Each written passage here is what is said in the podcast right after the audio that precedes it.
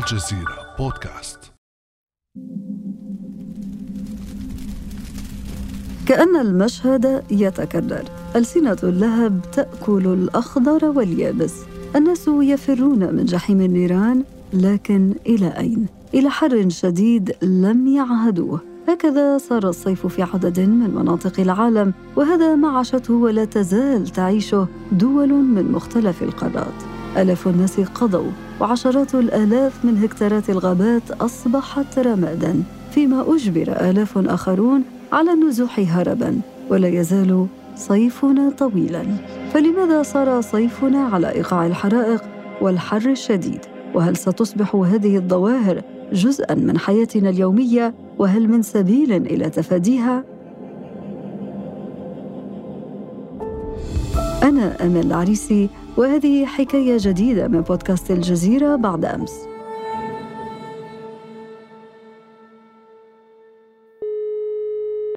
ضيفي اليوم الدكتور علي حيدر الأستاذ الجامعي في بيروت أخصائي تحليل وإدارة الكوارث الطبيعية وأخصائي تاريخ الحياة على الأرض. أهلا وسهلا بك دكتور حيدر. أهلا بالجميع. دكتور حيدر تشهد عدد من الدول عبر العالم موجة حر شديدة ويقال إنها غير مسبوقة وحرائق مهولة أدت إلى خسائر كثيرة في الأرواح والغابات والممتلكات. قبل أن نبدأ النقاش لنستمع إلى هذا التقرير من الجزيرة. صيف عصيب على غرب أوروبا. فمن مضيق جبل طارق إلى البرتغال وحتى اليونان مرورا بإسبانيا وفرنسا وإيطاليا تشتد موجة حر لا تبقي ولا تذر بلغت أربعين درجة وتخطتها في بعض المناطق والأحيان. دكتور حيدر موجات الحر الشديدة هذه والقياسية التي نصفها بغير المسبوقة إضافة إلى الحرائق هل هي ظواهر عادية أم استثنائية؟ إذا راقبنا المناخ عبر مجموعة من عشرات السنين وبالتحديد من 1979 لل 2020 منلاحظ أن هنالك ارتفاع في درجة الحرارة خلال فصل الصيف ولكن هذا الارتفاع لم يكن موزعا بشكل متساو في كافة أنحاء الكرة الأرضية. وبالتحديد إذا لاحظناها على الدرجات العرض المتوسطة وفي نصف الكرة الشمالي أيضا هنالك لم يكن هذا التوزيع متجانسا. يعني كانت مناطق مثل أوروبا كما نشهد اليوم وكذلك شهدنا من 1979 لل 2020 كانت مناطق مثل أوروبا ومناطق مثل سيبيريا الوسطى ومناطق مثل منغوليا وعلى طرفي القارة الأمريكية الشمالية هذه المناطق كانت معرضة بالتحديد أكثر من غيرها للارتفاع بدرجة الحرارة. إذا سمينا هذه المناطق النقاط الساخنة هذا يعني أنه مرافقة لهذه المناطق أو لهذه النقاط الساخنة. كان هنالك نوع من الجسور بتعبير مجازي لمناطق من الضغط المرتفع يعني بعبارة أخرى هذا الأمر لم يشمل كافة أنحاء الكرة الأرضية في السابق كما أنه لا يشملها اليوم. يعني أن الظواهر التي نشهدها اليوم كانت متوقعة بالنظر إلى التغيرات التي تحدثت عنها سابقا؟ كانت متوقعة بمعنى أن هذه المناطق كانت أكثر من غيرها. بطبيعة الحال إذا نظرنا لفترة زمنية أطول يعني إذا كان المشهد من 1960 لل 2020 هنالك ارتفاع تدريجي بدرجات الحرارة. أما إذا عدنا بالزمن إلى الوراء أكثر وأكثر يعني بدلا من أن نبدأ عام 1960 بدأنا عام 1920 تختلف الأمور. يعني من 1920 ل 1940 كانت الحرارة مرتفعة. لم تكن مرتفعة بالدرجة التي هي اليوم. ولكن كانت مرتفعة من 1920 لل 1940 ثم من 1950 لل 1980 كانت منخفضة. ثم من 1990 لل 2020 مرتفعة ولكن مرتفعة أكثر من ال 20 لل 40 إذا ليس هنالك ثبات مناخي. الغلط في التعابير التي تستعمل عادة في وسائل الإعلام أنهم يقولون هنالك تغير مناخي لذلك فهذا عمل سيء. لا. لما نقول هنالك تغير مناخي وكأن المناخ في السابق كان ثابتا وبدأ يتغير الآن وهذا غير صحيح. كان في فترة ساخنة ثم باردة ثم ساخنة. يعني فترة باردة ساخنة ثم باردة ثم ساخنة.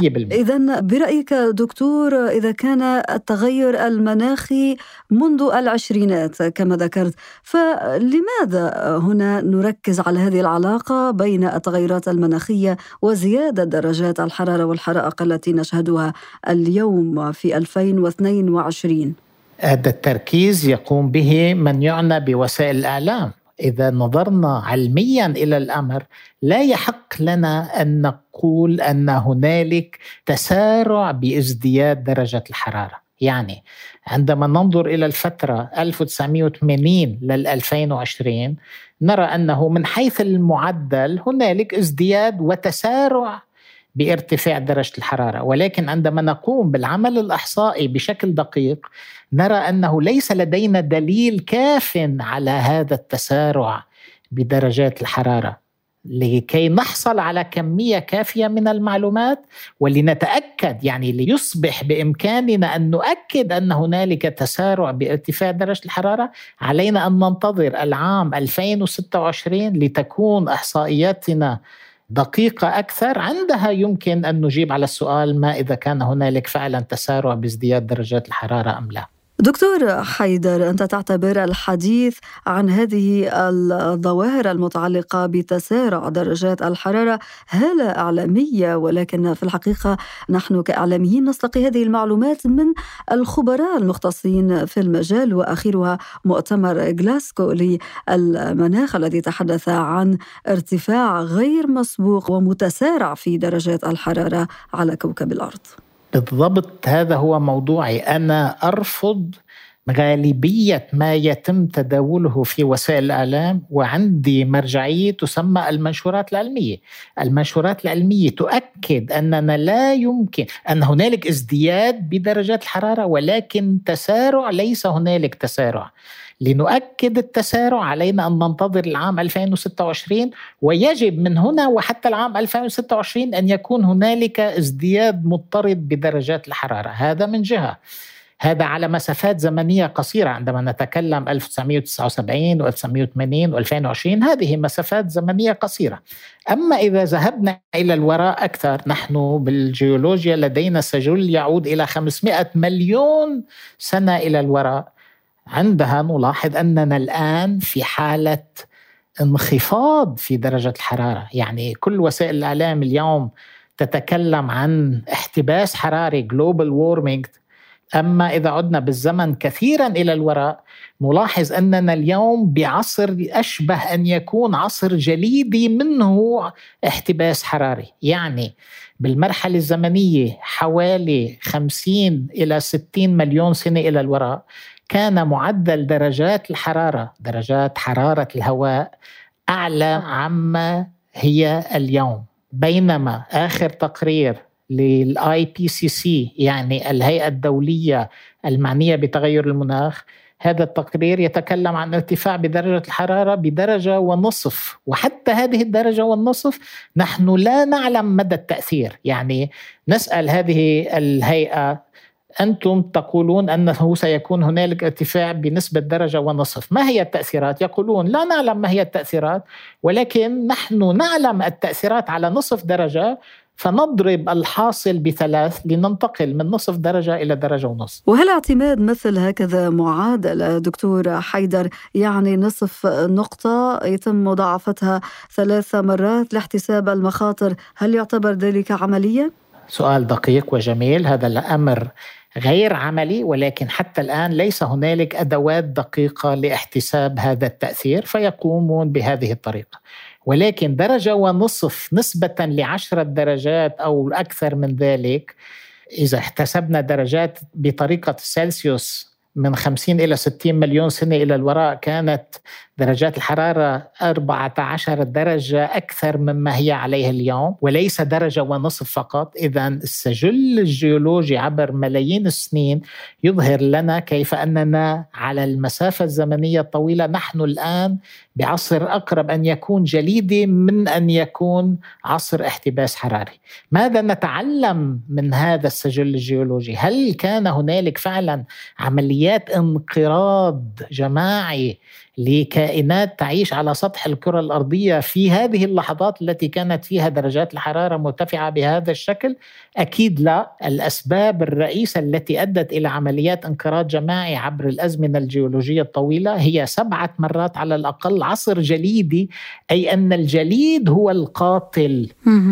وليس يعني الحرارة. وليس الحرارة. يعني العبره هي علينا أن لا نقبل بالتعامل مع الجليد بطريقة رومانطيقيه نحن نقول اليوم نرى الدب القطبي يقف على قطعة جليدية صغيرة في المناطق القطبية فنصوره ونضعه على وسائل الإعلام ونقول إذا فقد هذا الدب القطبي هذه البقعه الجليدية الصغيرة فهو يفقد منزله فعمليا. هذه طريقة تسمى التعامل مع الجليد بطريقة رومانطيقية علينا الكف عن هذا الموضوع الكف عن العمل بطريقة رومانطيقية مع الجليد لأن الجليد هو قاتل انخفاض درجة الحرارة مؤذن أكثر يتسبب بالأذية للكائنات أكثر من ارتفاع درجة الحرارة. إلا إذا كان ارتفاع درجة الحرارة يصاحبه ثوران بركاني بنسبة هائلة عندها سيكون هنالك عملية انقراض جماعي كبيرة. هذا ما نتعلمه من خلال دراسة تغير درجة الحرارة عبر مئات ملايين السنين. يعني نحن الآن إزاء خطر البرودة. إن صحت العبارة خطر جليدي يتهدد البشرية اليوم. حقيقة أنت غيرت وجهة الحلقة كاملة. دكتور لأنه بالفعل يعني لأنه كما ذكرت يعني نحن نعتمد على تقارير من مؤتمرات المناخ الدولية يعني تبعنا الكثير من آراء الخبراء والعلماء في مجال الأرض والجيولوجيا الذين أجمعوا كلهم على أن الحرارة الشديدة والحرائق هي جزء من نمط عالمي لارتفاع درجات الحرارة ناجم عن تغير المناخ وبالتالي أنا سأقلب السؤال هنا كيف لنا أن نتجنب الكارثة الجليدية التي تحدثت عنها؟ إذا نظرنا إلى الأمر على مسافات زمنية طويلة نحن بعصر بارد إذا نظرنا إلى الأمر كما هي الحال من 1979 يعني إذا أخذنا نموذج لدرجات الحرارة من 1979 لل 2020 هنالك ارتفاع بدرجة الحرارة على سطح الأرض هنالك ارتفاع درجة الحرارة بالغلاف الجوي وارتفاع بدرجة الحرارة في مياه البحار والمحيطات ولكن نعود إلى السؤال هل صحيح أن العامل البشري هو السبب في هذا؟ يعني هل صحيح أننا كبشر نتسبب بهذا الموضوع؟ هنالك عدة عوامل تحصل في آن معا. من جهة هنالك التأثير البشري أكيد هنالك انبعاثات وهذه الانبعاثات بحاجة إلى تفسير آه، أكثر من أن يكون سطحي ولن ندخل في هذا الموضوع اليوم. وبالتالي هنالك تأثير بشري ولكن أيضا هنالك تغير درجات حرارة مياه البحار والمحيطات. أنا أتكلم عن المياه السطحية للبحار والمحيطات. يعني هنالك تغيرات بعامل من العوامل اسمه البشري. عامل ثاني الذي هو Atlantic Multi Decadal Oscillation. الذبذبات التي تحصل في المحيط الأطلسي على مسافة زمنية تتخطى عشرات السنوات. وهنالك Interdecadal Pacific Oscillation التغيرات التي تحصل في المحيط الهادي على مستوى العديد من عشرات السنوات. هذه العوامل الثلاث كلها مع بعض تجتمع فتشكل هذا التغير الذي نراه. لا يجب أن نتناسى عامل المحيط الأطلسي وعامل المحيط الهادي ونركز فقط على العامل البشري لأن هذا يخالف الأمانة العلمية. طيب دكتور حيدر ما تأثير ثقب الأوزون على الاحتباس الحراري؟ هنالك تأثير لثقب الأوزون على القارة القطبية الجنوبية أي أنه أعاد تنظيم الرياح يعني ثقب الأوزون يحمي القارة القطبية الجنوبية من عملية الاحترار. يعني النتيجة هي أنه هنالك أكثر تبخر من المياه الساخنة ولكن أيضا هطول للثلوج بنسبة أعلى على المياه التابعة للبحار والمحيطات. يعني لا يجب أن نأخذ الأمور بطريقة مبسطة. كل عامل من العوامل التي تؤثر بدرجة الحرارة على الأرض. بعض من تأثيرات يكون إيجابي والبعض الآخر يكون سلبي. يجب أن لا نأخذ الأمور بطريقة مبسطة. دكتور حيدر المخاطر التي تتحدث عنها تبدو بعيدة تحدثت عن الأطلسي عن المحيط الهادي عن أشياء تبدو بعيدة سواء في المسافة أو الزمن فهل هناك مخاطر قريبة تتهدد الدول والمنطقة العربية؟ هنالك بعد من حيث المسافة لأنه المحيط الأطلسي والمحيط الهادي هنالك مسافة كبيرة بين هذين المحيطين من جهة والمنطقة العربية من جهة أخرى. وهنالك تأثير مختلف لأننا لا يجب أن ننظر فقط إلى ارتفاع درجة الحرارة وذوبان الجليد، يجب أن نرى أيضا العامل الأساس والذي هو التلوث، إذا نظرنا إلى التلوث أكيد العامل البشري يصبح أساس وما يجب أن نقوم به هو التخفيف من حدة التلوث وليس فقط التخفيف من حدة انبعاثات ثاني أكسيد الكربون. التخفيف من حدة التلوث هي مسألة أساسية لأنه الضرر بالصحة هو شبه مباشر وأثر سيء وأثر قوي جدا على البشرية، اذا لا يجب فقط التخفيف من الانبعاثات مثل ثاني أكسيد الكربون ومثل ال CFC هذه الغازات التي تؤثر في ثقب الأوزون وإنما أيضا على كل ما يساهم في عملية التلوث، التلوث هو عامل خطير جدا. ولكن يبدو في المقابل دكتور حيدر حتى نكون واقعيين أنه نحن خاصة في المنطقة العربية نحاول التأقلم مع هذه التغيرات وهذه الظواهر الطبيعية التي نشهدها في بلادنا بدل البحث عن حلول. الحلول يعني إذا نظرنا إلى خريطة التلوث في العالم مراكز إصدار الانبعاثات سواء كانت هذه ثاني أكسيد الكربون أو أي مواد كيميائية أخرى هنالك بؤرتان أساسيتان بخريطة الكرة الأرضية والتي هي الصين والولايات المتحدة الأمريكية نحن صحيح منطقة ليس فيها هذا الكم الهائل من المصانع أو من المصانع الكيميائية بالتحديد ولكن هذا من جهة أخرى ساعد بأننا لم نعد البؤرة المنتجة لهذه العوامل الملوثة وبالتالي نحن عملنا غير ناشط على مستويين على مستوى إصدار الانبعاثات من جهة وعلى مستوى الحماية من هذه الانبعاثات. اذا هنالك جانب إيجابي للموضوع وجانب سلبي. طيب هل ما زالت هناك فرصة لتدارك هذه المخاطر ومواجهتها؟ ما في شك عملية الانتقال من الفحم الحجري نحو النفط الخام أي النفط السائل من جهة ثم من النفط الخام إلى الغاز الطبيعي. هذه ساهمت بدرجة كبيرة بالتخفيف من حدة التلوث. ولكن نحن لا نطلق فقط ثاني أكسيد الكربون نحن نطلق N2O nitrous oxide الذي هو المخصب أو المخصبات الزراعية التي يستعملها الإنسان. وهذه هي المدمر تقريبا رقم واحد للبيئة اليوم وبالتالي يجب على المجتمع الدولي أن يقوم بإرشادات ويضع القوانين للحد من استعمال ال nitrous oxide بهذه الطريقة نؤمن الحماية ليس فقط من ثاني أكسيد الكربون وإنما من عوامل تلوث أخرى أساسية. وتدمير البيئة دكتور حيدر ربما سيؤدي إلى وجود أماكن ومناطق يستحيل فيها العيش قد تكون من بينها بلدان عربية، هل هذا صحيح؟ المشكلة هي أنه وسائل الإعلام تروج لارتفاع بدرجة الحرارة وكأن ذلك يحصل بشكل متجانس في كافة أنحاء الكرة الأرضية. بالحقيقة هذا غير صحيح، هنالك بؤر يعني هنالك مناطق تتعرض لازدياد بارتفاع درجة الحرارة ومناطق أخرى لانخفاض بدرجة الحرارة. بالإجمال هنالك ارتفاع ولكن بحسب المنطقة بعض المناطق تزداد فيها درجة الحرارة وبعض المناطق الأخرى تنخفض. إذا ما نظرنا إلى منطقة الدول العربية أو شبه الجزيرة العربية بالتحديد فهي لا تشبه مثلا الصين من حيث ارتفاع درجة الحرارة وروسيا وما شابه.